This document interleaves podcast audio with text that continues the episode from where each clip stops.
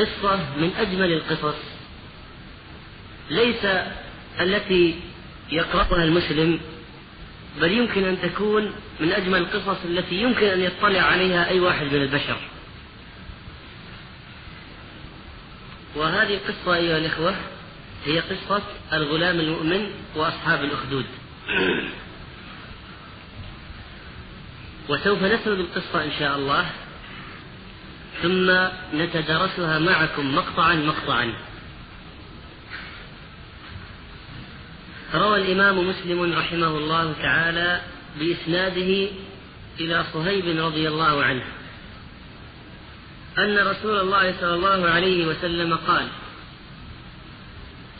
كان ملك في من كان قبلكم وكان له ساحر فلما كبر يعني الساحر قال للملك إني قد كبرت فابعث إلي غلاما أعلمه السحر.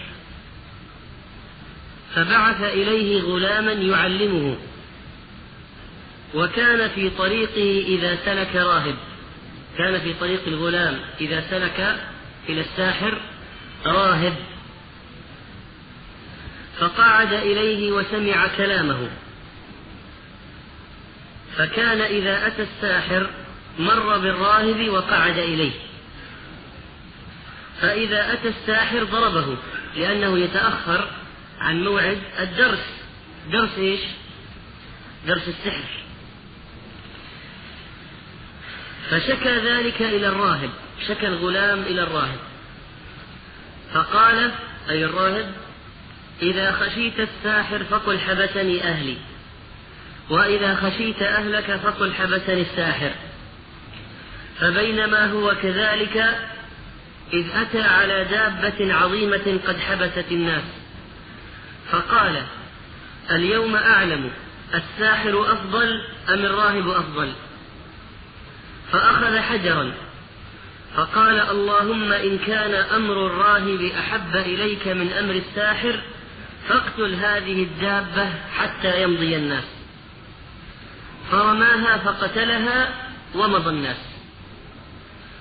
فأتى الراهب فأخبره. فقال له الراهب أي بني أنت اليوم أفضل مني وقد بلغ من أمرك ما أرى وإنك ستبتلى فإن ابتليت فلا تدل علي. وكان الغلام يبرئ الأكمه والأبرص ويداوي الناس من سائر الأدواء.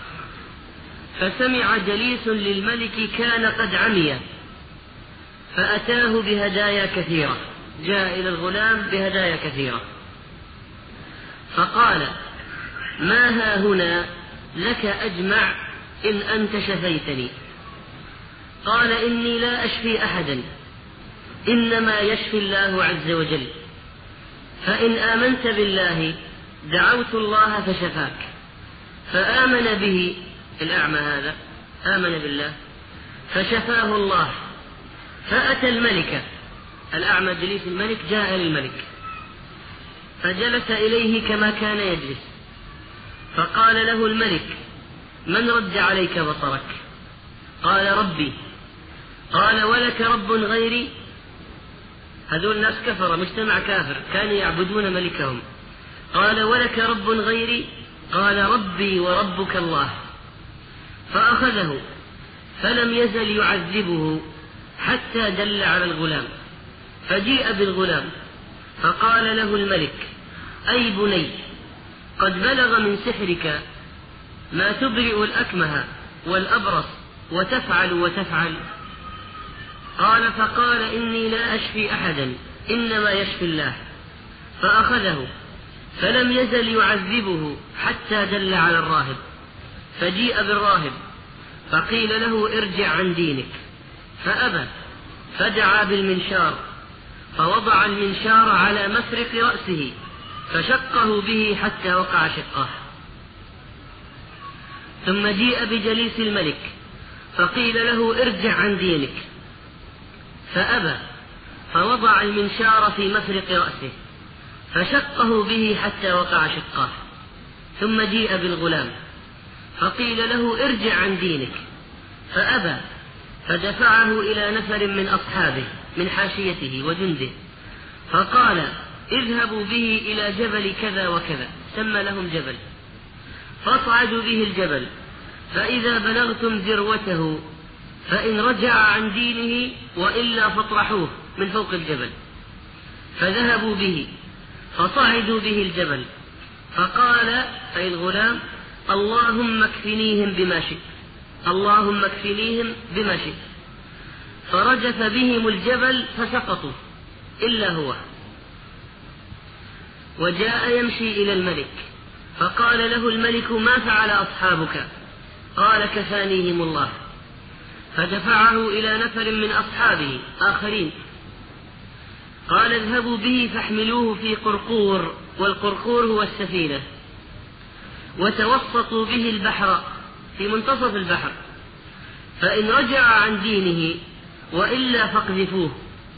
فذهبوا به فقال اللهم اكفنيهم بما شئت. فانكفأت بهم السفينة انقلبت. فغرقوا كلهم وجاء يمشي إلى الملك. فقال له الملك ما فعل أصحابك؟ قال كفانيهم الله. فقال للملك هذا الغلام إنك لست بقاتل حتى تفعل ما آمرك به. قال ما هو؟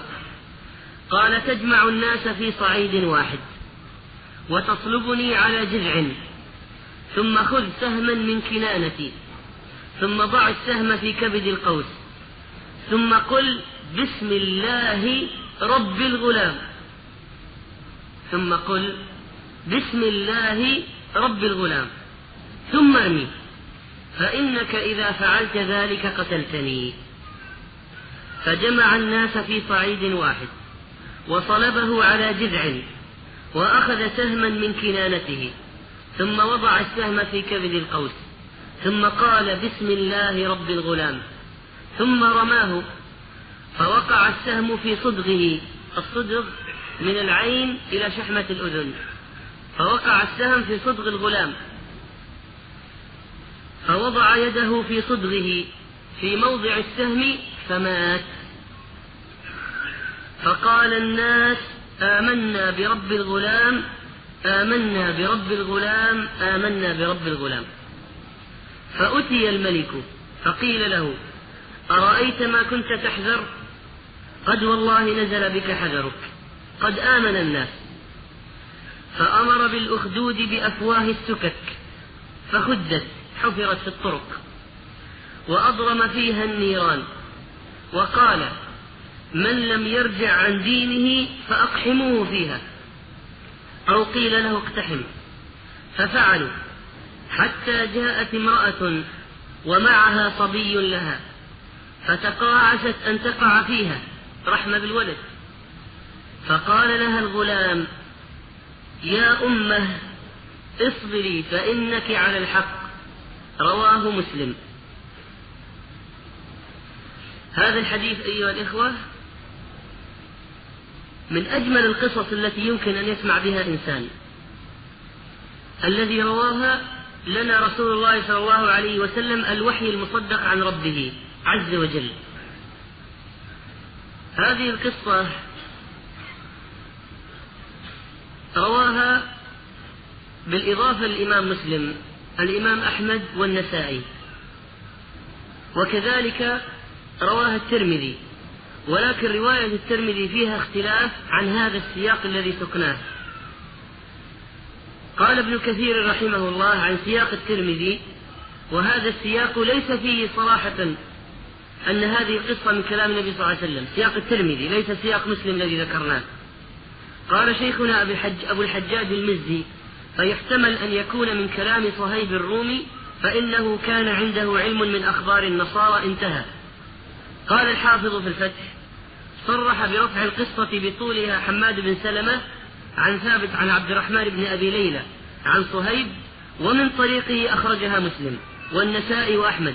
هذا الإسناد إلى الرسول صلى الله عليه وسلم. ووقفها معمر عن ثابت وقفوا على من؟ على صهيب. ومن طريقه أخرجها الترمذي. فهذا السياق سياق الإمام مسلم الذي ذكرناه سنعتمد عليه في شرح القصة. وسنأخذ من سياق الترمذي ما يكون فيه تفاصيل زيادة بحيث لا تكون تتعارض مع نص القصة. لأن القصة اللي نشرحها الآن رواية مسلم هي المرفوعة عن الرسول صلى الله عليه وسلم وهي المعتمدة. أيها الإخوة لو أن أوكلنا كتابة مثل هذه القصة إلى أعظم روائي في العالم. فهل يا ترى سيكتب لنا قصة مثل هذه؟ في جمالها ودقتها وعظم الفوائد المحتوية عليها ومدى تأثيرها في النفس. لا يستطيع أحد مطلقا. لا يمكن أن يأتي بشر بأجمل مما رواه لنا رسول الله صلى الله عليه وسلم. هذه قصص أيها الإخوة ليست قصص حكاية ليست روايات تسلية لا. هذه قصة مجتمع بأسره مجتمع حي كان في فترة من الزمان موجودا على ظهر الأرض. يا إخواني ابتلينا في هذه الأيام بروايات سخيفة وقصص ماجنة يقبل عليها الكبار والصغار. يقرؤون قصص وفيها فساد عظيم. وفي بعضها خرافات وشعوذات تفسد واقعية الأطفال. لذلك كان مما ينصح به لكل من عنده طفل. لكل أب لديه طفل. لكل أخ أو أخت عنده أخ أصغر منه صغير. أن يقرأ عليه هذه القصة حتى قبل أن ينام حتى لو قبل النوم يقرأها عليه. أو أن يجزئها له. هذه الأشياء أيها الإخوة هذه الأحداث عظيمة عظيمة جدا. وهذه مثل هذه القصة فيها أشياء فوائد مباشرة وفوائد غير مباشرة. قد لا يحس بها القارئ أنه يستفيد ولكن هو يستفيد. فمن ذلك مثلا من القضايا الخفية أننا نتعلم نحن درسا عظيما في التواضع في التواضع من هذه القصة. كيف؟ كيف نتعلم درس عظيم التواضع؟ نعم لأننا نحن الآن الكبار نتعلم هذه الفوائد العظيمة من مين؟ من من من نتعلم هذه الفوائد؟ من غلام من غلام والغلام كما قال ابن علان رحمه الله في في دليل الفالحين في شرح الحديث والغلام في لغة العرب من كان بين سن الفطام بعد سن الفطام وقبل البلوغ. اللي يكون بعد الفطام وقبل البلوغ يطلق عليه غلام في لغة العرب. نحن الآن الكبار والشيوخ نتعلم من من؟ نتعلم من غلام من هذا الغلام المؤمن. هذا فيه فائدة عظيمة في التواضع.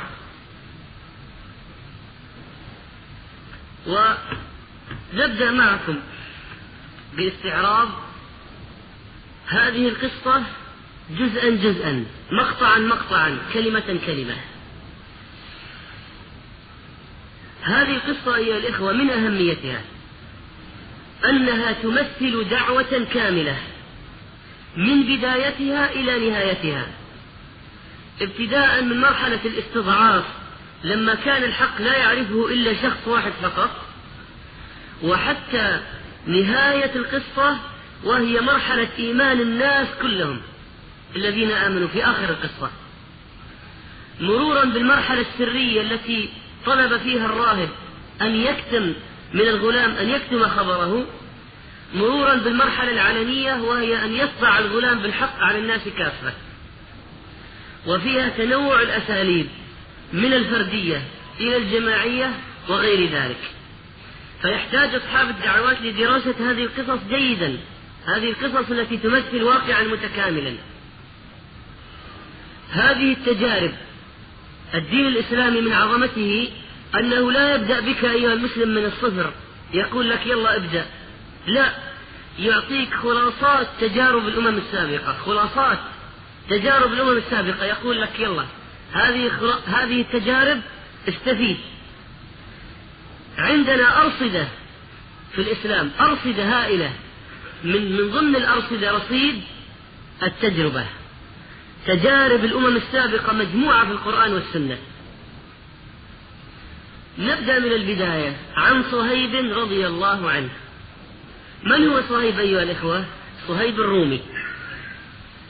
نلاحظ في بعض الأحاديث عن بعض الصحابة أن بعض الصحابة يتخصصون في رواية أنواع معينة من الأحاديث. هذا التخصص نابع من أي شيء؟ نابع من الواقع الذي عاشوه. فلو عرفنا واقع صهيب الرومي كيف كان واقعه؟ صهيب الرومي كان مسلم مضطهد في قريش يعذب ويطارد ويشرد ويستولى على ماله. وقصة هجرته إلى المدينة معروفة. فإذا عرفنا واقع صهيب ما نستغرب لماذا بالذات صهيب الرومي الذي روى هذا الحديث؟ اللي فيه ابتلاء وفتن ومحن. هذه العلاقة بين الراوي والمروي بين الصحابي والحديث الذي رواه هذا الصحابي. وإذا علمنا أيضا أن خباب بن الأرت رضي الله عنه خباب روى جزءا من هذا الحديث في صحيح البخاري لما قال جئنا الرسول صلى الله عليه وسلم وهو متوسط بردة في ظل الكعبة فقلنا يا رسول الله ألا تستنصر لنا؟ ألا تدعو لنا؟ خباب كان يعذب وكان من تعذيبه. أن سيدته الكافرة كانت تطرحه على أسياخ الحديد المحماة. وهو عاري الظهر يطرح على أسياخ الحديد المحماة بالنار. فلا يطفئ النار في أسياخ الحديد إلا شحم ظهر خباب الذي كان يسيل عليها. لما جاء الرسول صلى الله عليه وسلم يطلب منه ألا تدعو لنا ألا تستنصر لنا؟ قال الرسول صلى الله عليه وسلم كان الرجل في من قبلكم يحفر له في الأرض فيمشط بأمشاط الحديد ما بين لحمه وعظمه ويوضع المنشار في مفرق رأسه فيشق حتى يقع نصفان لا يرده ذلك عن دينه. فروى خباب رحمه الله مقطع جزء من هذا الحديث. أن رسول الله صلى الله عليه وسلم قال كان ملك في من كان قبلكم. هذه القصة هل ذكر الرسول صلى الله عليه وسلم فيها التاريخ اللي حدث بالضبط؟ في اليوم الفلاني في الشهر الفلاني في السنة الفلانية؟ لا. هل ذكر فيها المكان في البلد الفلانية؟ لا. نلاحظ هنا أن القصة تجردت عن أي تفاصيل إضافية تشتت ذهن القارئ أو السامع. واقتصرت القصة على أهم التفاصيل المتعلقة بالموضوع حتى لا يتشتت ذهن القارئ. هذا من ناحية. ما في تفاصيل مجردة عن الزمان والمكان. الزمان الوحيد الموجود إيش؟ قبلكم بس قبل الصحابة. طبعا والراجح من كلمة راهب أنها وقعت يعني بعد عهد عيسى لما تفرق الناس وحصل الضلال في شريعة عيسى وبقي رهبان قلة على دين عيسى على دين التوحيد وقبل بعثة الرسول صلى الله عليه وسلم تقريبا. ثانيا من فوائد تجريد القصة من من من التفاصيل الإضافية أن هذه القصة تصبح تجربة حية غير مرتبطة بزمان أو مكان معين. تجربة حية كأنها قائمة اليوم يعيشها كل المسلمين. كأنها قائمة يستفيد المسلمون منها إلى قيام الساعة. لو صار فيها زمان أو مكان معين كان الناس قالوا إيه هذه يمكن خاصة بذلك الزمان. مثل الناس الآن لما نقول لهم يا جماعة هذه سنة الرسول صلى الله عليه وسلم. يقول لك إيه وهذا كان الرسول صلى الله عليه وسلم. يا جماعة كان هكذا واقع الصحابة ما كان فيه من المنكرات كذا وكذا. يقول إيه هذا كان واقع الصحابة. يحتجون بإيش؟ بالزمان. يقول إيه هذاك الزمان مختلف إحنا الآن تطورنا تغيرنا. كان ملك في من كان قبلكم وكان له ساحر. فالآن بكلمة ساحر تحدد نوع إيش؟ نوع الملك. هل كان ملكا صالحا؟ مثل سليمان مثلا عليه السلام؟ لا. وإنما كان كافرا. وكان يستخدم الساحر هذا في استعباد الناس. كان يستخدم الساحر في استعباد الناس. يستخدم السحر والشعوذة والتضليل والخرافات للسيطرة على عقول الناس. وهذا الساحر واحد من أعوان الباطل الذين كانوا يساعدون هذا الملك الظالم في استعباد من تحته من الرعية. والسحر أيها الإخوة دائما في كل زمان ومكان السحر ضد الدين والعقل لأن السحر قائم على إيش؟ على الخرافة والشعوذة. والدين قائم على الوضوح. الدين واضح جدا عقيدة صافية. فالسحر ضد الدين على طول الخط وهو كذلك ضد العقل الصحيح. العقول الصحيحة ترفض السحر ترفض الشعوذة ترفض الخزعبلات ترفض الخرافات. هكذا العقول الصحيحة المستنيرة بنور الله عز وجل. فلما كبر قال للملك إني قد كبرت فابعث إلي غلاما أعلمه السحر. كبر ولا كبر؟ بكسر الباء ولا بضم الباء؟ إيش الصحيح؟ بكسر الباء. كبر. في لغة العرب تستعمل كبر للسن. يعني إذا واحد تقدم في السن يقال إيش؟ كبر. أما بضم الباء فتستعمل للقدر. يعني إذا الشيء صار عظيم القدر كبير القدر يقال كبر. ما هو الدين من القرآن؟ كبر مقتا عند الله. كبرت كلمة تخرج من أفواههم. هذه الكلمة قدرها في الشرك عظيم. فالله عز وجل قال كبرت كلمة. بضم الباء. وفي رواية الترمذي في هذا المقطع يقول الساحر انظروا لي غلاما فطنا لقنا فأعلمه علمي. فإني أخاف أن أموت فينقطع منكم هذا العلم. سبحان الله الساحر هذا خايف على إيش؟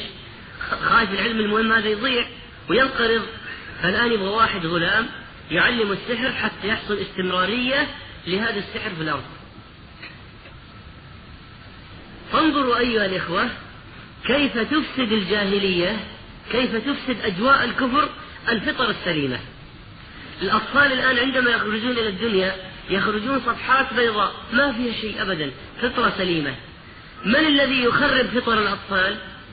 هذه الجاهليات الممتلئة بالكفر والسحر والزندقة والشعوذة والضلال والبدع والخرافات والإلحاد والشهوات والأهواء هذه التي تفسد عقول الأطفال الصغار.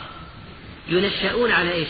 مثل ما ما أريد مثل ما أرادوا لهذا الطفل الصغير الغلام أن ينشأ على إيش؟ على الكفر إفساد لفطرته. الله فطر الناس على التوحيد فطرة الله التي فطر الناس عليها. فإذا رصيد الفطرة مهم للدعاء إلى الله عز وجل لعرض الحق.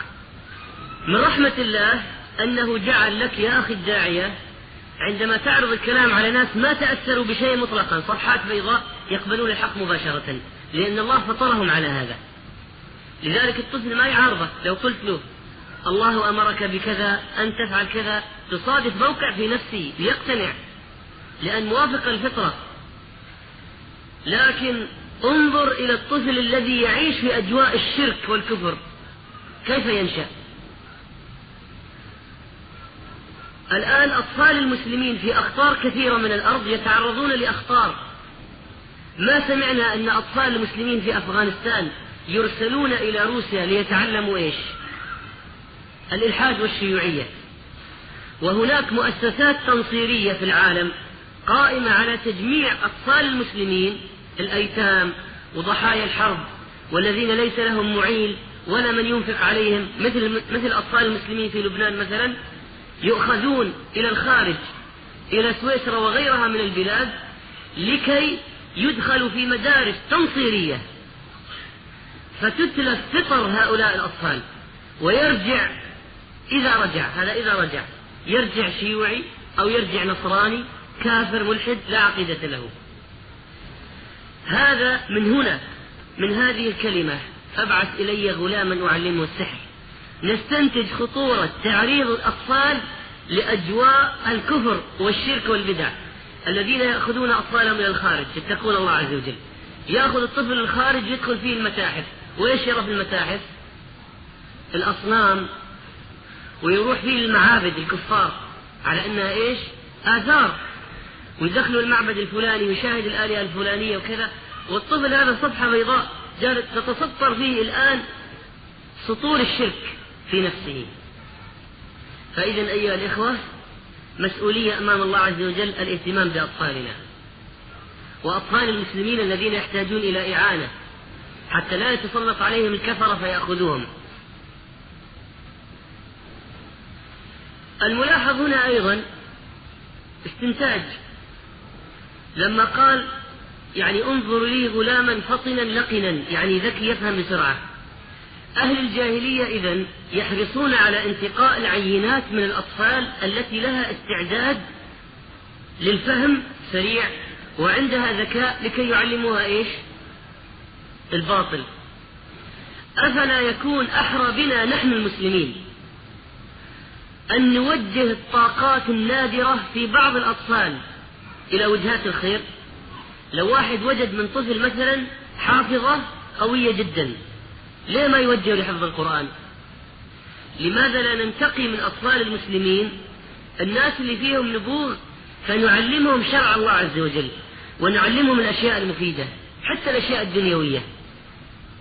نوجه طاقاتهم نوجه هذه العقلية الجبارة التي تكون موجودة في بعض الأطفال إلى معرفة الحق ودراسة الحق والتمرن عليه والسير عليه وتطبيقه. ما نستهون ما نحتقر أنفسنا. مجتمعات المسلمين فيها طاقات كثيرة. تحتاج إلى من يوجه ويستغل فقط. فإذا شعور المسلمين بالمسؤولية تجاه أولادهم من الأمور المهمة. ملاحظة أخرى في هذا المقطع. فلما كبر قال للملك إني قد كبرت فابعث إلي غلاما أعلمه السحر. يعني في شيء غريب. إيه؟ إيش الغريب هذا؟ أنه هذا الساحر الآن يعني إذا مات ماذا سيستفيد من تعليم الغلام بعد موته؟ إيش يستفيد؟ واحد هذا الساحر سيموت. صح يقول أنا كبرت في السن الآن وسأموت. أعطيني غلام أعلمه السحر. إيش يستفيد؟ ما يستفيد شيء. ما يستفيد شيء. ما في فائدة. ما راح ياخذ يعني شيء زيادة. خلاص سيموت. إذا لماذا يعلم الغلام السحر؟ لأنه أيها الإخوة لو طبعت النفس على الباطل فإن أهل الباطل يتبرعون مجانا لتعليم باطلهم. صور لو لو صار الواحد منطبع ومنغمس في الباطل بكامله. كله باطل في باطل. هذا يصل إلى مرحلة والعياذ بالله أنه يتبرع تبرعا. بدون مقابل ليضل الناس. لأن انطبع انطبع انطبع الكفر في قلبه. فصار صار شيء طبيعي يعلم الناس الكفر حتى بدون مقابل حتى بدون أجر.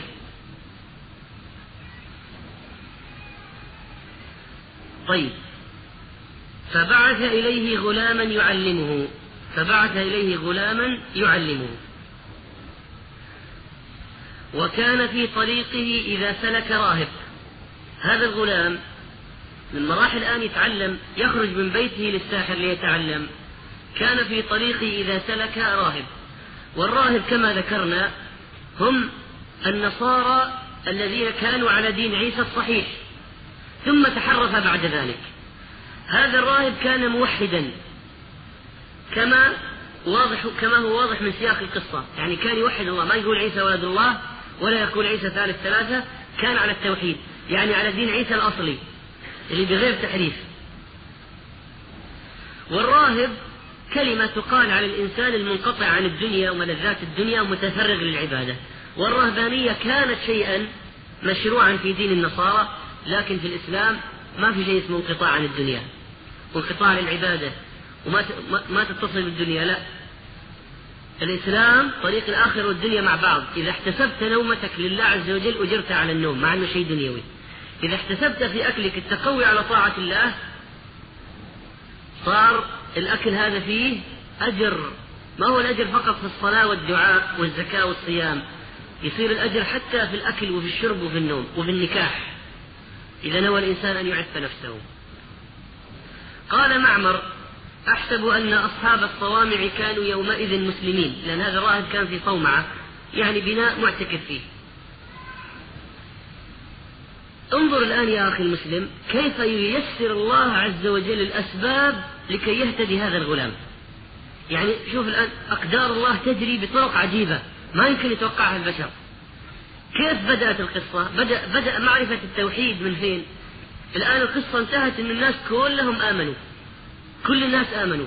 طيب كيف كانت البداية؟ كيف جرى قدر الله حتى تحصل هذه النهاية؟ كيف؟ أنه كان في راهب في الطريق. يعني لو كان الساحر في مكان ثاني يعني الولد يروح من, من, من طريق آخر كان يمكن ما مر على هذا الراهب وما عرف أصلا أنه في توحيد ولا عرف الله. صح ولا لا؟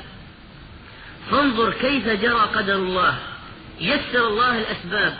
أن جعل مكان الراهب في الطريق حتى الغلام هذا يمر عليه ويتعلم منه ويتربى على هذا التوحيد. فقعد إليه وسمع كلامه فأعجبه طبعا. الغلام جلس إلى الراهب لما سمع صوت الراهب جلس تعرف المكان ودخل وسلم عليه وجلس إليه يستمع منه. وفي رواية الترمذي فجعل الغلام يسأل ذلك الراهب كلما مر به كل ما مر عليه يسأله. يسأله عن إيش؟ يقول أنت إيش تعبد؟ الغلام يسأل الراهب إيش تعبد؟ فلم يزل به ملحا ومصرا حتى أخبره حتى الراهب أخبر الغلام. فقال إنما أعبد الله. والناس هذوليك اللي في المجتمع ما كانوا يعبدون الله أبدا التوحيد ما كان معروف. فالراهب قال إنما أعبد الله. فالآن ننظر أيها الإخوة في إيش؟ في الجاذبية التي تعرض بها العقيدة الصافية الصحيحة. العقيدة الموافقة للفطرة إذا عرضت بطريقة صحيحة تدخل القلب وتستقر فيه.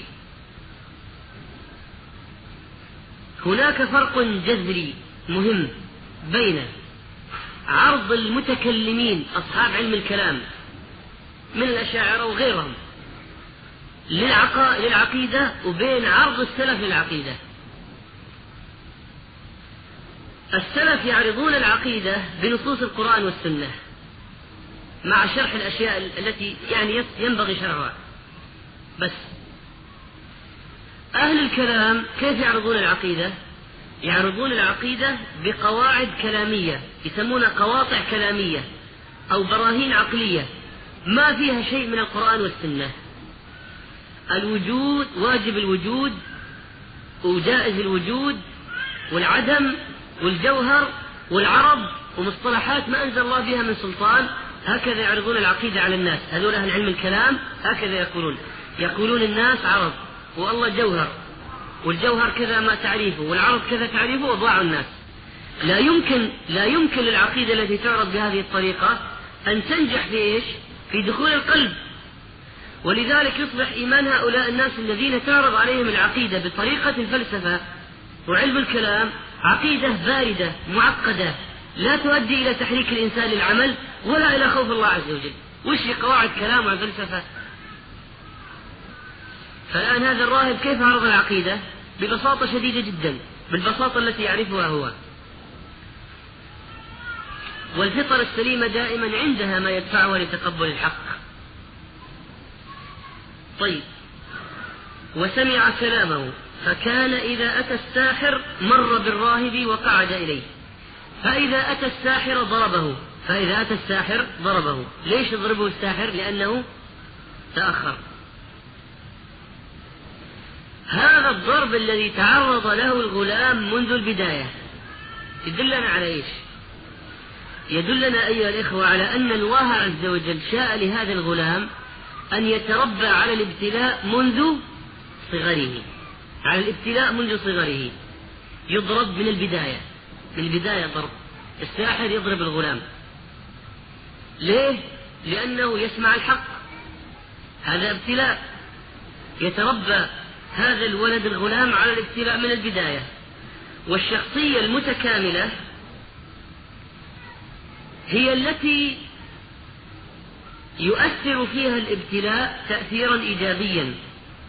هذا الغلام تعرض للابتلاء في لحظات التكوين وزمن التربية وفترة النمو يعني منذ صغره تعرض للابتلاء فصبر على هذا الابتلاء.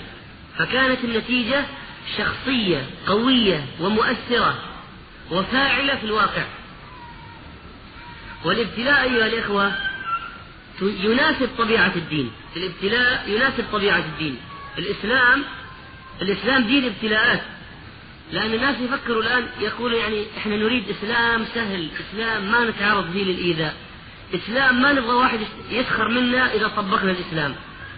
إسلام نريد دين إذا طبقناه لا نتعرض لمصاعب ومشاكل. ومن قال لك أن الإسلام دين الراحة وأنك ما تتعرض يقول الله عز وجل ألف لام ميم. أحسب الناس يفكر الناس أحسب الناس أن يتركوا أن يقولوا آمنا. يعني يتركوا ويعلنوا بإيمانهم. وهم لا يفتنون الناس كذا يفكروا. ولقد فتنا الذين من قبلهم. فليعلمن الله الذين صدقوا وليعلمن الكاذبين. ما هي فائدة الابتلاء والفتن؟ تمحيص. فليعلمن الله الذين صدقوا وليعلمن الكاذبين. لو كان الدين مسألة سهلة ما في متاعب ولا مصاعب ولا إيذاء ولا سخرية ولا لمز ولا غمز ولا سجن ولا ضرب ولا شيء. كان يعني كل الناس دخلوا في الدين صح ولا لا؟ كان ما في أهل النار خلاص النار اللي شطبت ما في. لكن لما صار الدين فيه تمحيص وفيه ابتلاء وفيه شدة وفيه ضغط واقع يضغط عليك وفي شهوات وأهواء تحاربك من كل جانب وأنت تصبر على هذه الابتلاءات. هنا تتميز الشخصيات وهنا يرى الصادق من الكاذب. فإذا أتى الساحر ضربه فشكى ذلك إلى الراهب. هذا الغلام شكى إيش؟ الضرب هذا لمين شكاه للراهب. هذه الشكوى أيها الإخوة ليست اعتذارا عن مواصلة الطريق. ولا تذمرا يعني ما قال له ترى خلاص ترى أنا انضربت علشانك أنا الآن قاعد أنضرب علشانك أنا ما راح أجيك ولا راح أتعلم منك خلاص. يكفيني اللي جاني. يلا روح. ما قصد الغلام بالشكوى التذمر أو الاعتذار عن مواصلة الطريق. وإنما شكوى لأصحاب الخبرة لإيجاد الحلول المناسبة للمشكلة.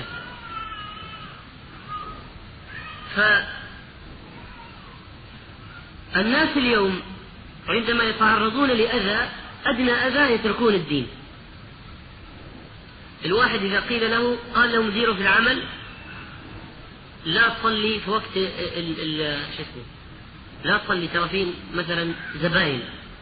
ترى لو صليت طردتك من العمل. إيش يسوي؟ لأدنى إيذاء تهديد بالطرد من العمل ترك الصلاة. أجمعها بعدين. طيب. فإذا أيها الإخوة آه الإيذاء الذي يحصل للإنسان من جراء التمسك بالدين إذا صبر عليه الإنسان هذا يعني أنه مسلم حقيقي أما إذا ما صبر يعني أنه مسلم مزيف. طيب هنا ماذا يقول في الحديث؟ فقال الراهب بعد الشكوى هذه قال الراهب إذا خشيت الساحر فقل حبسني أهلي. وإذا خشيت أهلك فقل حبسني الساحر. لأن هذا الغلام الآن يضرب من جهتين. إذا راح للساحر وجلس عند الراهب تأخر وصل الساحر متأخر ضربه الساحر. وإذا رجع من عند الساحر إلى أهله في البيت تأخر عليهم طبعا فيضربه أهله. فما هو الحل الذي أوجده له الراهب؟ قال له إذا قال لك الساحر ليش تأخرت؟ قل له أهلي شغلوني. وإذا قال لك أهل قالوا لك أهلك ليش تأخرت قول والله اليوم كان فيه إيش معلومات زيادة أخرنا طيب هنا يسأل يسأل يسأل سائل فيقول أليس هذا بكذب؟ أليس هذا بكذب؟ شلون يكذب الغلام؟ شلون الراهب يعلم الغلام الكذب؟ والكذب نعرف أنه محرم فنقول أيها الإخوة من رحمة الله عز وجل أنه أنه حرم الكذب تماما. لكن الله أباح الكذب في مواضع. فأباح الكذب مثلا للإصلاح بين الناس. وأباح الكذب في الحرب. حادثة نعيم بن مسعود الثقفي معروفة. لما أسلم في معركة الأحزاب وذهب إلى الرسول صلى الله عليه وسلم قال خذل عنا ما استطعت. إنما أنت رجل يعني أنت واحد سوي اللي تقدر تسويه. واليهود محيطين بالمسلمين من الوراء والأحزاب من كفار قريش وغطفان وغيرهم من الأمام والمسلمين والمسلمون بين كفي الكماشة. هذا رجل واحد. ماذا فعل في الحرب؟ كذب كذب كذبة أنهت الحرب كلها لصالح المسلمين. ومن شاء التفاصيل فليرجع إلى كتب السيرة. فإذا الكذب في الحرب على الكفرة مو على المسلمين. على الكفرة جائز لمصلحة الدين لمصلحة المسلمين. حرب. طيب. لو واحد مثلا سب إنسان في مجلس وهذا السب بلغ الشخص اللي وقع عليه السب وجاءك أنت أحد اللي كنت في المجلس وقال لك صحيح فلان شتمني. فأنت لو أتيت من باب الإصلاح بينهما قلت له لا لا ما شتمك. أنا كنت موجود ما أتكلم عليك أتكلم على واحد ثاني. تقصد أنت إيش قصدت بالكذبة هذه؟ الإصلاح حتى لا يحدث بينهما شقاق في أحد تضرر من هذه الكذبة؟ الكذبة هذه في أحد تضرر منها؟ لا. هل في منها مصلحة؟ نعم في مصلحة عظيمة. فيها مصلحة عظيمة للإصلاح بين المسلمين. فإذا في هذه الحالة أباح الإسلام الكذب في حالات ضيقة جدا. ما هي حالات مفتوحة كل واحد يكذب على كيفه؟ لا. في حالات ضيقة جدا أبيح الكذب. فالآن مصلحة الدين عند الراهب وعند الغلام تقتضي أن الغلام يكذب. لو ما كذب هل يمكن أن يتعلم؟ لا. إيش يقول الله؟ يقول أنا أمر على راهب يعلمني. كان اخذوا الراهب هذا من زمان. لكنه من أجل مصلحة الدين والسلامة من الشر وتعلم العلم في أسباب صار الكذب في هذه الحالة جائزا. نلاحظ أيضا هنا أيها الإخوة أن الراهب اهتم بإيجاد الحل للغلام الذي اشتكى إليه. هذا يفيدنا نحن الآن لو واحد من الناس اشتكى إلينا في ضائقة يجدها بسبب تمسكه بدينه مثلا. فإن من واجبنا نحن أن نسعى في إيجاد حل لمشكلة هذا الرجل. من باب الأخوة الإسلامية لابد من إيجاد الحلول لمشاكل المسلمين. ليس أن تعرض المشكلة فقط ثم يكون المصيرها في سلة المهملات. لا. يجب أن نوجد الحلول للمشاكل. طيب. كذلك مما نستفيد منه في هذا المقطع أننا إذا وجدنا رخصة شرعية تيسر أمور الناس ما تخالف الشريعة ليست أمرا محرما ما تخالف الشرع. وفي نفس الوقت تيسر على الناس ضائقة يعيشونها. فإننا في هذه الحالة نقدم الرخصة لهم. نقدم الرخصة لهم إذا كانت رخصة شرعية. نقدم رخصة لهم. ولا نجعلهم يستمرون في معيشتهم في الحرج. لا. لا نجبرهم على أخذ العزيمة. لا نقول لهم هناك رخصة. هناك رخصة. لو واحد مثلا في الصحراء ما عنده ماء إلا يكفيه للشرب. كيف يتوضأ؟ ما نقول لا والله يا أخي اعطش اعطش لو هلكت. في سبيل لا تتوضأ. لا نقول له هناك رخصة شرعية التيمم. واحد يشق عليه أن ينزع الجوارب دائما وهو في العمل وفي برد وكذا ويغسل قدميه. ما نقول لا لا تحمل شو اسمه يجب عليك أن تتحمل هذه العزيمة. لا نقول له هناك رخصة. إذا كانت رخصة إيش؟ شرعية. فنيسر على الناس في حدود الشرع. وليس أن نسلك مسلك الجهلة فنيسر على الناس بالحق وبالباطل بعض الناس يقول يلا يا شيخ يسر يسر ولا تعسر والدين يسر يسر. وبالتيسير هذا نبيح للناس شراء الأسهم الربوية والتعامل بالحرام وسماع المنكرات وحضور مجالس اللغو والباطل باسم إيش؟ تيسير. لا. يجب أن يكون التيسير شرعيا موافق للشريعة. ثم يقول في الحديث فبينما هو كذلك إذا أتى على إذ أتى على دابة عظيمة قد حبست الناس فقال الغلام اليوم أعلم الساحر أفضل أم الراهب أفضل؟ جاء على طريق والناس هذا القلق جعل الغلام ينتظر اليوم الذي يأتي ويكون فيه حصحصة الحق وتمييز الهدى من الضلال. الآن الغلام جالس ينتظر لأنه نفسه فيها جذب في قلق حيرة اضطراب يريد أن يعرف أين الحق. فالآن هنا عدة نقاط. النقطة الأولى أن القلق والاضطراب نتيجة التلقي من أكثر من مصدر متضادة هو علامة صحيحة تبين صحة التلقي. يعني لو أن الغلام هذا بيأخذ الدين والسحر لكن ما عنده مشكلة. خلاص الدين لأهل الدين والسحر لأهل السحر ما في إشكال. هل هذه هل هذا شيء صحي؟ واقع صحيح؟ ها؟ لا طبعا. لا بد أن يحدث التناقض. لا بد أن يحدث التناقض.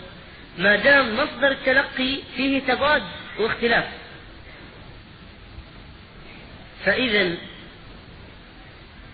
نفكر الآن نحن في واقعنا. أجيال المسلمين أيها الإخوة اليوم تتلقى الإسلام بطريقة يتلقون الدين بطريقة لا تشعرهم بمخالفة الواقع لهذا الدين. الآن المسلمين بعض المسلمين يتلقون الدين بطريقة عجيبة. لا تشعرهم مطلقا أن واقعهم إذا كان واقع منكرات واقع جاهلي يخالف ما يتلقونه. فلذلك ما عندهم أي مشكلة؟ ما عنده يعني قلق ولا اضطراب ولا تحير ولا شيء. الدين للدين وهذا الباطل للباطل في له مجال. وماشي الحال. ما في إشكال. هذا التلقي عندهم تلقي مرضي غير صحيح. يجب أن يثور القلق والاضطراب في النفس إذا كان الواحد يتلقى يتلقى شيئين متضادين. فلا بد أن يتحرك أهل الدين لتحديد مواقفهم من الواقع. إذا كانت طريقة تلقيهم للدين صحيحة. أما إذا كان ما تدرك. يعني ما في ما في تميز. ولا في تحديد موقف فعند ذلك نقول طريقة تلقيكم للدين أو هذا الدين الذي تتلقونه فيه أخطاء وإلا كان إيش؟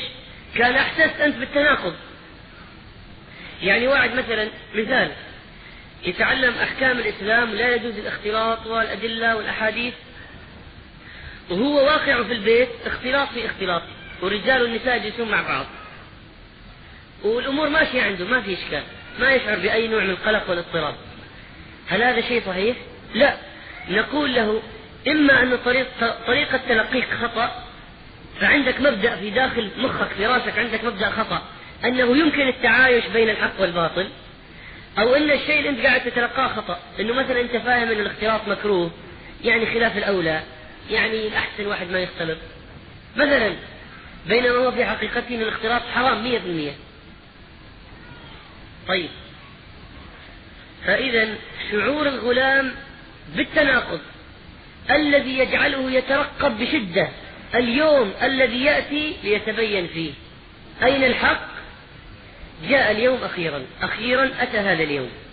الذي طالما ترقبه هذا الغلام بلهفة وطول انتظار جاء هذا اليوم. هذا وضع الناس محبوسين في الطريق. فأخذ حجرا حجر عادي. فقال اللهم إن كان أمر الراهب أحب إليك من أمر الساحر. إن كان أمر الراهب أحب إليك من أمر الساحر. فاقتل هذه الدابة حتى يمضي الناس. يا رب إن كان أمر الراهب أحسن الراهب هو اللي معه الحق فإيش؟ اقتل هذه الدابة بهذا الحجر الصغير. اقتل هذه الدابة العظيمة حتى يمضي الناس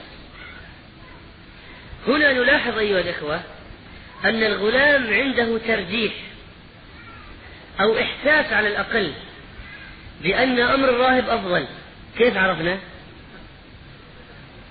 كيف عرفنا؟ لأنه بدأ به قال اللهم إن كان أخذ الحجر قال اللهم إن كان أمر الراهب أحب إليك من أمر الساحر؟ فاقتل هذه الدابة حتى يمضي الناس. ما قال اللهم إن كان أمر الساحر أحب وبعدين رماه وشاف إيش النتيجة؟ لا. بدأ بإيش؟ اللهم إن كان أمر الراهب أحب إليك من أمر الساحر. معناها أنه عنده في نفسه إيش؟ ترجيح أو إحساس على الأقل بأن أمر الراهب أفضل. وهذا شيء طبيعي نتيجة طبيعية. ليه؟ نتيجة طبيعية تبين أن الحق عليه علامات وأن الفطرة السليمة إذا سمعت بالحق فعلى أقل تقدير ترجحه على إيش؟ على الباطل. وهذا يدل على رسوخ الإيمان. وأيضا النقطة اللي ذكرها الأخ هنا ماذا قال الغلام؟ أول كلمة قال لما أخذ الحجر إيش قال؟ اللهم إن كان أمر الراهب أحب إليك. طيب كلمة اللهم ماذا تعني؟ تعني أن الغلام يعني نطق بالكلمة هذه معناها أنه أقر ضمنيا أقر بأن إيش؟ أن هناك إله هناك الله موجود. ولذلك يسأل يسأل الله يقول اللهم إن كان أمر الراهب هذا نتيجة التعليم الذي تلقاه ونتيجة التربية على العقيدة. فرسخت في نفسه فظهرت النتيجة. توجه عرف يتوجه لمن؟ اللهم إن كان أمر الراهب أحب إليك. وهذه القضية أيها الإخوة وجود الله عز وجل مركوزة في الفطرة ولا يمكن أنه يعني يجحد فيها أي واحد حتى الشيوعي الكافر يعلم أن الله بداخل بداخل بداخل فطرته يعلم أن الله موجود لكنه يعاند ويكابر. فطرته تخبر بأن هناك خالق.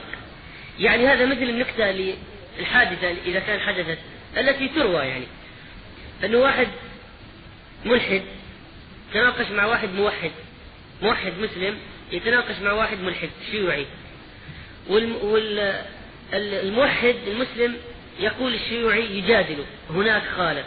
الطبيعة ما خلقت لا يمكن للطبيعة أن تخلق. الله الذي خلق كذا وكذا. وذاك الشيوعي يقول لا مستحيل. ما في خالق ولا في دين. والطبيعة هي التي خلقت وحنا جئنا من الطبيعة كذا. فلما احتدم النقاش بينهما وثارت ثائرة ذاك الملحد فقال في عرض الكلام يقول للمسلم يقول والله ما الطبيعة خلقتنا. أقسم لك بالله أن الطبيعة. يعني لما ثارت ثائرته فيقولون أنه في عرض كلامه إيش؟ حلف بالله أن الطبيعة. فإذا قال الله تعالى وجحدوا بها حقيقة الألوهية واستيقنتها أنفسهم. يعني هم مستيقنين لكنهم يجحدونها بألسنتهم. ليه؟ ظلما وعلوا. سببين. ظلما وعلوا. طيب هنا في الحديث يقول فاقتل هذه الدابة حتى يمضي الناس. فالآن الغلام سأل الله عز وجل أن يقتل الدابة لكي يعرف الحق ولا لكي يمضي الناس؟ أيوة. فهنا قالوا في شرح الحديث يحتمل أن تكون حتى هنا ما بعدها علة للسؤال. يعني سبب الطلب من الله عز وجل. فيكون اجتمع الأمرين. واحد لنفسه يريد أن يعرف الحق وواحد إيش؟ من أجل مصلحة الناس أنهم يمروا. وقيل أن هنا ما بعد حتى علة للسؤال آه غاية للسؤال وليس علة له. غاية للسؤال. يعني الهدف من السؤال كذا. وليس الذي أثار السؤال. هذا الفرق بينهما. الذي أثار السؤال يمكن أن نقول النقطة الأولى. غاية السؤال التوجيه الثاني. المهم يعني المعنى متقارب ليس ببعيد وفي قول الغلام حتى يمضي الناس إشارة إلى إيش؟ إلى حب هذا الغلام لمنفعة قومه. وما يعني إنه صار أناني بس يبغى يعرف الحق وخلاص حتى الناس إن شاء الله إيش اللي يصير فيهم يصير؟ لا. يعني ما دام يمكن أن يجتمع الأمران يعرف الحق هو وينفع الناس فليفعل. فلذلك قال في دعائه فاقتل هذه الدابة حتى يمضي الناس. فيها فائدة أخرى حتى يمضي الناس. فرماها فقتلها. فرماها فقتلها.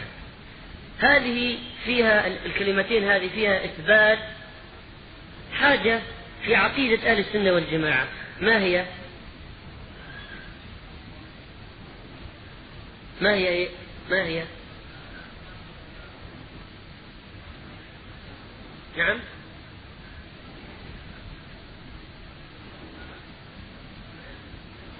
طيب شيء آخر. كرامات الأولياء. كرامات الأولياء. أن الله عز وجل من قدره أنه يخرق العادة لبعض أوليائه. يخرق العادة. ما يمكن حجر صغير يقتل, يقتل دابة عظيمة ما يمكن أن يحصل في العادة هذا لكن كرامة لهذا الغلام المتمسك بدينه أجرى الله على يديه خارقة من الخوارق. كرامة له. فالإيمان بكرامات الأولياء من عقيدة أهل السنة والجماعة. لكن المشكلة فين؟ المشكلة خلط الناس بين أولياء الرحمن وأولياء الشيطان. لأن أولياء الشيطان من السحرة والدجالين والمشعوذين وأرباب الطرق الصوفية المنحرفة يمكن أن يحصل عندهم خوارق العادة. فتجد بعضهم يضرب نفسه بسيف يدخل في بطنه ويخرج من ظهره ويسحب السيف ما نزلت منه قطرة دم واحدة. يحصل هذا. أو أو مثلا يدخل في نار موقدة ويخرج منها سليم ما في شيء. هذا إيش يكون؟ باستخدام الشياطين. أن الشياطين إما أنها تلعب بأعين الناس الذين يشاهدون أو أنها تمنع تمنع يعني الحرق عن هذا الرجل بالقدرة اللي عند الشيطان لكي يتوهم الناس أنه هذا الدجال وهذا الساحر وهذا المشعوذ هو وشيخ الطريقة أنه ولي من أولياء الله بينما الحقيقة هو ولي من أولياء الشيطان. فإن قلت لي كيف نميز؟ طيب هذه أولياء الله لهم خوارق وهذول أولياء الشيطان لهم خوارق. كيف نميز بينهما بين بين الحالتين؟ نقول واقع هؤلاء وواقع هؤلاء هو الدليل. فإن رأيت الرجل اللي حصلت على يديه خارقة من خوارق العادة رجل مؤمن تقي صالح عابد مستقيم ليس بصاحب بدعة ولا صاحب هوى هو اللي صارت له الخارقة فتعرف أنه من أولياء الرحمن. لكن لو لقيت الدجال مشعوذ ويأكل أموال الناس ويستخدم الخرافات ويتعامل مع الشياطين وعنده الطلاسم وهذه الأشياء الحجابات ومدري إيش. وهنا تعرف أنه من أولياء الشيطان. ثم قال في الحديث ومضى الناس. قتلت قتلت الدابة وإيش؟ مضى الناس. في رواية الترمذي التي أشرنا إليها آنفا فقال الناس من قتلها؟ قالوا الغلام. ففزع الناس فقالوا قد علم هذا الغلام علما لم يعلمه أحد يعني المهم الناس اللي على الأقل حضروا الحادثة الآن اشتهر هذا الغلام عندهم فأتى الراهب فأخبره فالغلام الآن ماذا لما حصلت القصة ماذا فعل؟ أتى رجع لمن؟ لمن؟ إلى الراهب فأخبره بالخبر وهذا الإخبار للراهب نتيجة طبيعية لكل من رأى حدثا مثيرا أن يذهب لمن تلقى منه الدين طيب ليطلعه على ما حصل أو يطلب منه تفسيرا على ضوء الشريعة لما حصل. يعني شيء طبيعي. لو الناس اليوم رأوا حادث مثير فكل واحد يرى الحادث يذهب لمن؟ لمن تلقى منه الدين أو للعالم أو لمن يثق به من أهل العلم والخير والدعوة إلى الله عز وجل. فيطلعه على ما حدث أو يطلب منه تفسيرا إن كان الأمر فيه يعني غموض يطلب منه تفسيرا أو رأيا فيما يحدث. فقال له الراهب جواب لما أخبره الخبر قال الراهب أي بني أنت اليوم أفضل مني. أنت اليوم أفضل مني.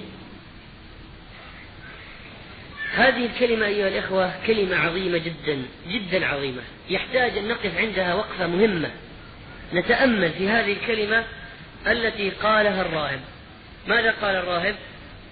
قال أنت اليوم أفضل مني.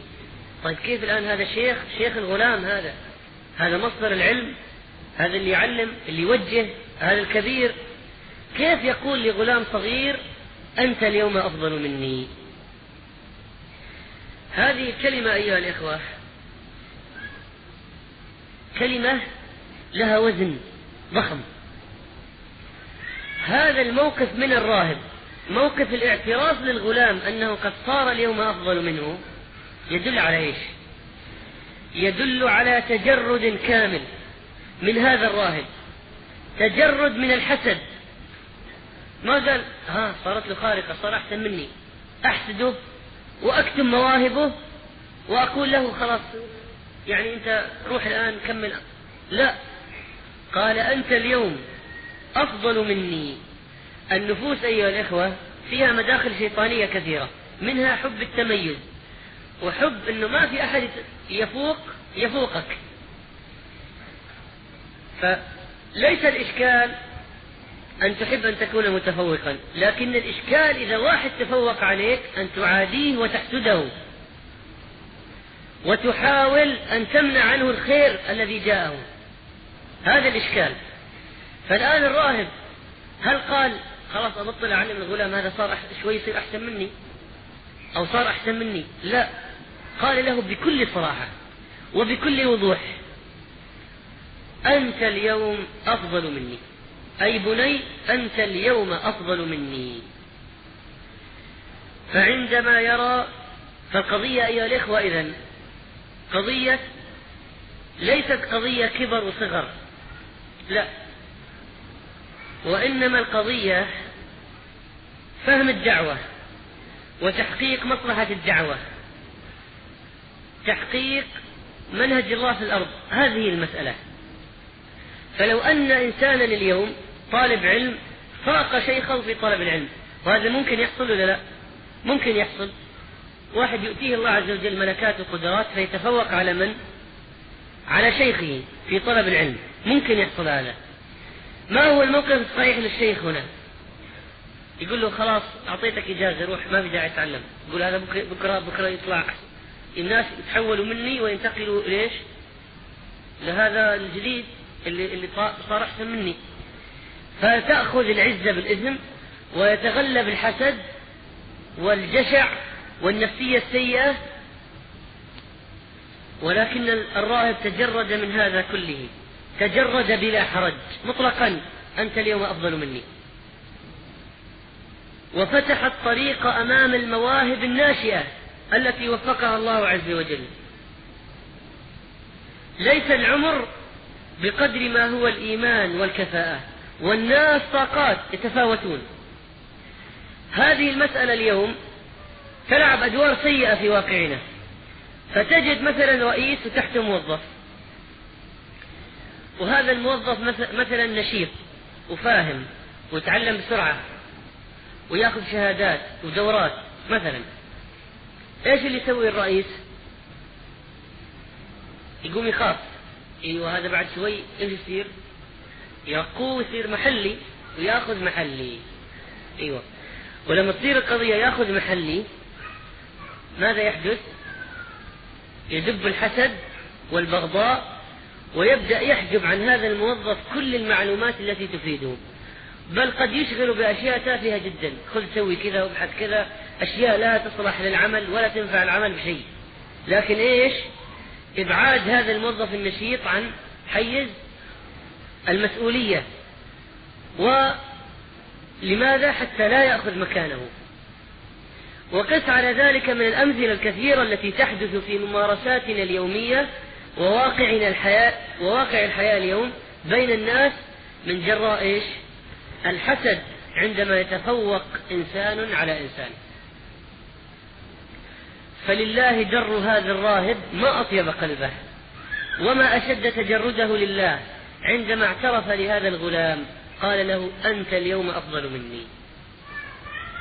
وقد بلغ من أمرك ما أرى. ما أرى من إيش؟ من الصدق والاعتقاد الحسن والكرامة التي أجراها الله على يديك. طيب الآن لما قال له أنت اليوم أفضل مني هذه الكلمات ماذا تنتج في نفس الغلام؟ يعني قد تنتج نوع من ال يعني الزهو أو يعني ما هو غرور لكن قد تنتج أشياء من هذا. فلكي يحدث هذا الراهب المربي التوازن في نفس الغلام ماذا قال له بعدها مباشرة؟ حتى لا يصيب الغلام غرور. هو الآن حقيقة أنه أفضل من الراهب حقيقة. الله هذا قدر الله عز وجل وهذه حكمة الله. لكن ماذا قال الراهب بعدها لكي يحدث التوازن ويزيل السلبيات الناشئة عن الإخبار بالحقيقة الأولى؟ اللي لابد من الإخبار منها لابد من الإخبار منها. لكن فيها سلبية كيف تزال؟ قال له إيش؟ وإنك ستبتلى. وإنك ستبتلى. فالآن كلمة إنك ستبتلى ماذا تحدث؟ يعني نوع من الآن إذا كان واحد شاف نفسه يصير في نوع من الإحجام. إيه إنه هذه الأفضلية الآن ما هي ببلاش. يعني هذا التشريف الذي حصل الآن ليس بلا مقابل وإنما سيعقبه سيعقبه إيش؟ تكليف وابتلاء. ما جاءت المسألة كذا فقط أفضلية. هذه الأفضلية لها ثمن. وإنك ستبتلى.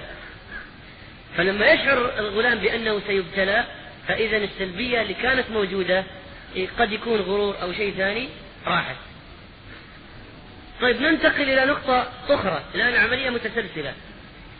كلمة إنك ستبتلى. ماذا تحدث؟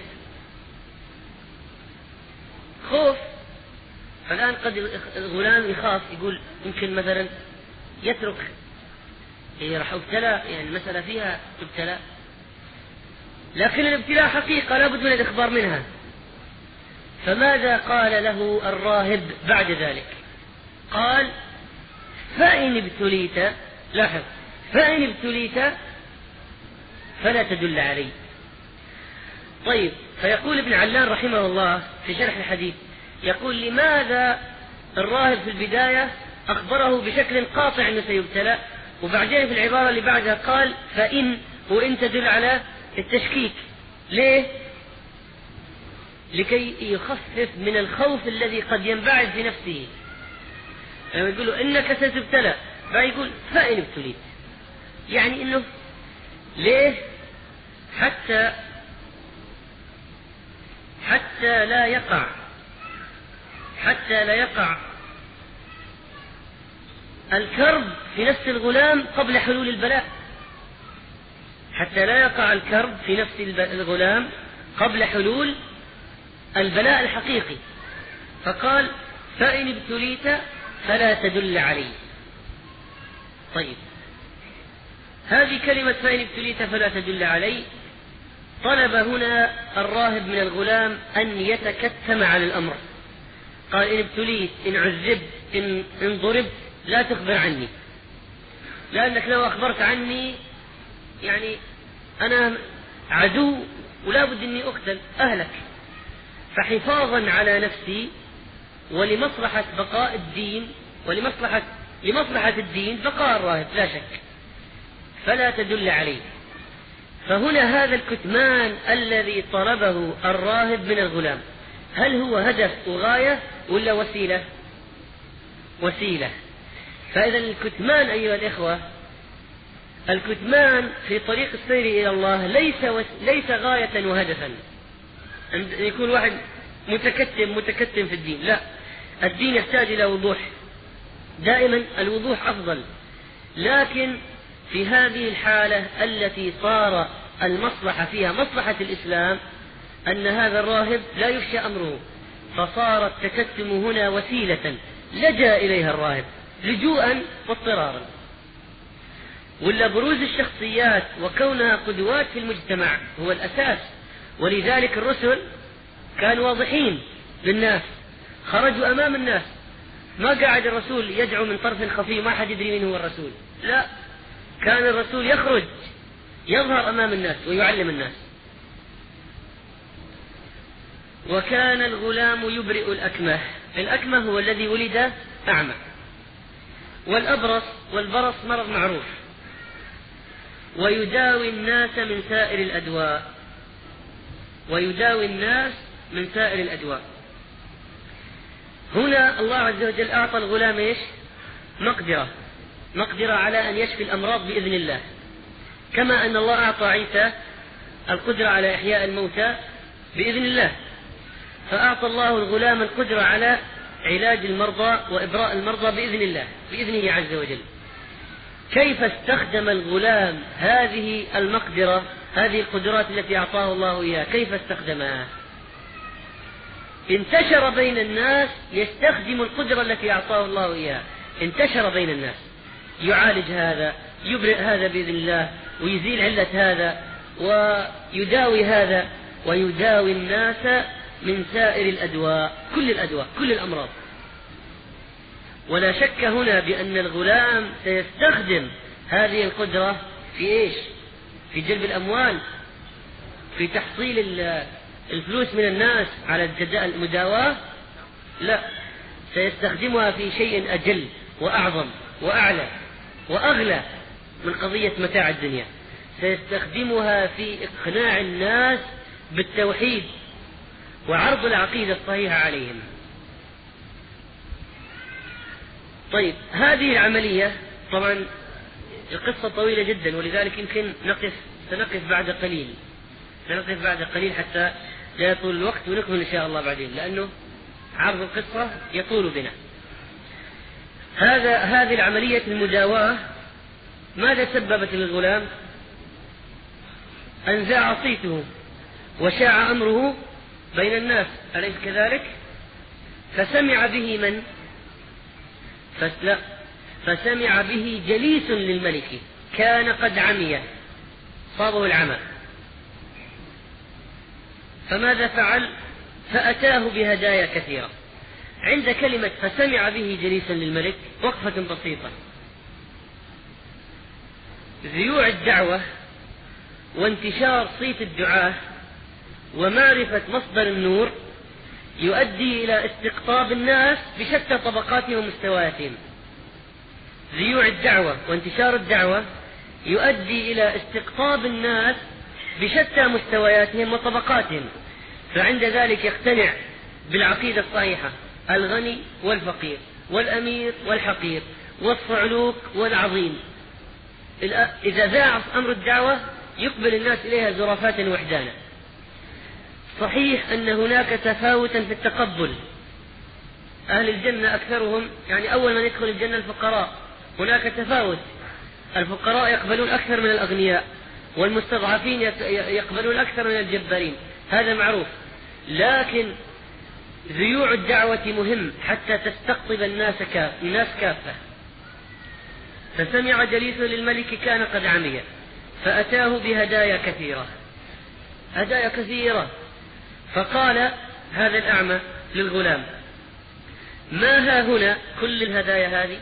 لك أجمع كلها لك إن أنت شفيتني بس. قال الغلام إني لا أشفي أحدا إنما يشفي الله عز وجل. هنا أيها الإخوة في حاجة ملفتة للنظر أن الغلام ماذا فعل؟ تجاهل أمر الهدايا تماما. تجاهل تجاهل الأمر تماما ولا كأن في هدايا ما قال لا أنا أبغى وكذا أبغى وما أبغى. انتقل مباشرة للأمر المهم. كأن ذاك مسألة يعني كأنها ما طرحت مسألة تافهة جانبية جدا قضية الهدايا والأموال. مع أن فيها بريق وفيها جاذبية لكن تجاهل. قال إني لا أشفي أحدا. ركز على المقطع المهم من الكلام اللي هو كلام الأعمى قال إن أنت شفيتني. ومعروف أن الشفاء هو الله عز وجل وإذا مرضت فهو يشفين. من أفعال الله عز وجل أنه يشفي. أما الناس ما يشفون. الناس لا يشفون. فركز الآن على الخطأ في العقيدة في العبارة. وهذا يدلنا على وجوب تصحيح أخطاء الناس. العامة أحيانا لهم ألفاظ. يقولون ألفاظ في عبارات خطأ. في عبارات خاطئة. وتدخل أحيانا أيها الإخوة يعني في آه، حتى هذه ال ال العبارات اللي نعلمها للأطفال أحيانا. نعم إذا دققت النظر فيها تجد فيها أشياء من هذه الأناشيد البسيطة المتداولة. يعني أذكر لكم مثال. مرة خطر في ذهني. إيش؟ لفظة مستخدمة جارية. الآن الولد إذا ما عرف ينقي إجابة صحيحة في الامتحان. ولا ما عرف إيش يأخذ هذا ولا هذا طيب ولا جاءت أمه مثلا قالت تأخذ هذا اليد ولا اللي في هذا اليد إيش يسوي؟ عبارة مشهورة يقول حادي بادي صح؟ ما إيش في بعد حادي بادي؟ سيدي محمد البغدادي إلى آخر الكلام فأنا مرة فكر يعني طرأ في بالي قضية من هو سيدي محمد البغدادي؟ وش يعني ولي من أولياء الله ولا إيش؟ ولماذا يؤتى بذكره هنا في وقت التحير والواحد ما يعرف إيش يختار؟ هل سيدي محمد البغدادي هذا هو الذي يرشد الناس إلى الخير وإلى الأحسن؟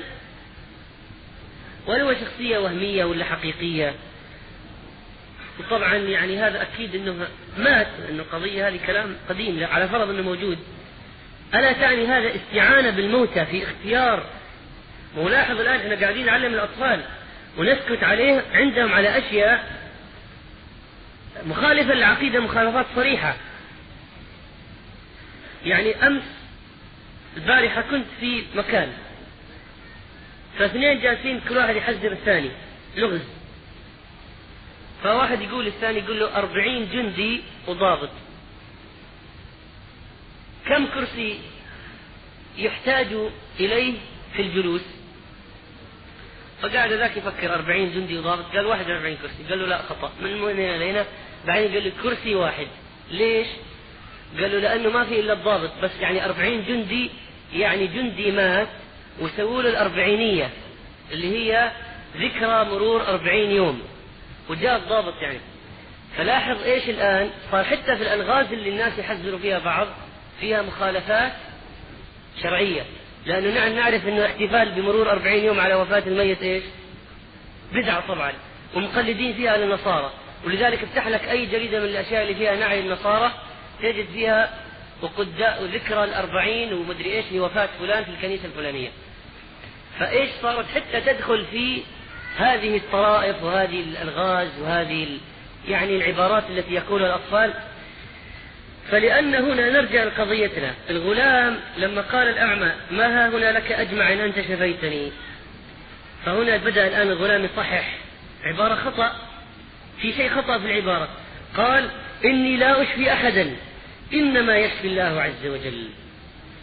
فوجهه هنا إلى أي شيء؟ إلى الشافي الحقيقي الله عز وجل. الله عز وجل. قال يقول الرسول صلى الله عليه وسلم واشفي أنت الشافي لا شفاء إلا شفاءك وفي رواية لا شافي إلا أنت لا شافي إلا أنت وحدك لا شريك لك. فالآن هذا درس لمن؟ لمعاشر الأطباء اليوم الذين يذهب إليهم المرضى. يجب أن يستقر في عقل الطبيب وأن يكون من الأشياء التي يضعها نصب عينيه. أول ما يأتيه المريض ويعطيه العلاج يوضح الآن فرصة يوضح الطبيب للمريض من هو الشافي حقيقة ومن الذي يشفي وإني أنا يا الطبيب لا أملك شيئا ولا أملك شفاء وهذه مجرد أسباب قد تصيب قد تخيب وإذا أصابت شفت فإن الله هو الذي شفى وهذا الدواء سبب سبب فقط سبب لكن الفاعل الحقيقي الذي شفى هو الله عز وجل وقت على ذلك من الأشياء الكثيرة التي يحتاج العامة إلى توجيههم فيها. وفي إهمال الغلام لأمر الهدايا درس عظيم في أن منهج الرسل في عرض الدعوة قل لا أسألكم عليه أجرا وما أنا من المتكلفين ما أسألكم عليه أجرا. الواحد يعرض الدين على الناس لا ليسألهم أجر ويأخذ منهم فلوس لا. لا يعظهم لكي يأخذ أجرا. لا. وإنما أجره على الله عز وجل. فهنا الغلام كان ممكن يأخذ وكان ممكن كمان يأخذ إنها رقية. يعني إنه يشفيه فيأخذ. يعني يمكن واحد يقول ما فيها شيء شيء شرعي. لأنه يجوز أخذ المال على الرقية. طيب هذا قرأ عليه أو دعا له وشفي يعني. لكن الغلام هنا هدفه عظيم أعظم من كذا. بالعكس إذا أخذ المال سقطت هيبته وقل وقل عظمة الشيء الذي يدعو إليه صح ولا لا؟ لذلك ترى الناس الآن عندما يموت لهم واحد من البدع أنهم يستأجروا إيش؟ قارئ قرآن ليقرأ في. في. شو اسمه العزاء طيب يجلس الناس الآن يعني يمكن بعض الناس يتفاعل مع الآيات يعني يخشع فإذا انتهى القارئ وراح طلع صاحب هذا والحساب وأعطاه وحاسبه إيش موقف الناس الآن؟ كل التأثرات اللي مجرد ما شاف القارئ يأخذ الفلوس راح كل شيء. لأن القضية يعني مادية بحتة. ولذلك قال صلى الله عليه وسلم حديث صحيح أكثر منافقي أمتي قراءها أكثر منافقي أمتي قراءها حديث صحيح. إني لا أشفي أحدا إنما يشفي الله عز وجل. فإن آمنت بالله دعوت الله فشفاك طيب فآمن به فشفاه الله عز وجل. طيب واحد يقول إيه، شلون الغلام يدخل من مدخل دنيوي؟ يقول هذاك شوف أنت إذا آمنت أنا أدعي لك انك انه شو اسمه؟ أدعو لك أن تشفى. لو واحد يقول لا يعني كان لازم يقول له بس تؤمن بالله وبس. فإذا آمن بعدين طيب يقول له تعال الحين ما دام إنك آمنت. لكن هو قال إن آمنت إن آمنت انت ان آمنت بالله دعوت الله لك فشفاك. هذا أسلوب لا بأس فيه ولا حرج إن شاء الله. بل إن بابا من أبواب الزكاة المؤلفة قلوبهم. الناس الذين يعطون من أموال الزكاة لكف شرهم أو استجلابهم من الإسلام. يعني إذا كان الولد ما يصلي إذا أعطيته فلوس إذا أعطيته فلوس صلى. يمكن يجي واحد يقول لا تعطيه فلوس حتى لا يتعود إنه يصلي مشان الفلوس. نقول له لا ما هو على كل حال لا. أعطيه الفلوس. وإذا صلى كافئه مكافأة مادية. ليه؟ لأنه الآن صحيح يندفع من أجل شيء مادي لكنه غدا في المستقبل عندما يدخل في الصلاة أكثر وأكثر ويستشعر فائدة الصلاة ها؟ ويستشعر عظمة الله عز وجل وهو يصلي ستزول القضية المادية ويصبح يصلي حتى لو ما أعطيته شيء. فلا بأس الخلاصة.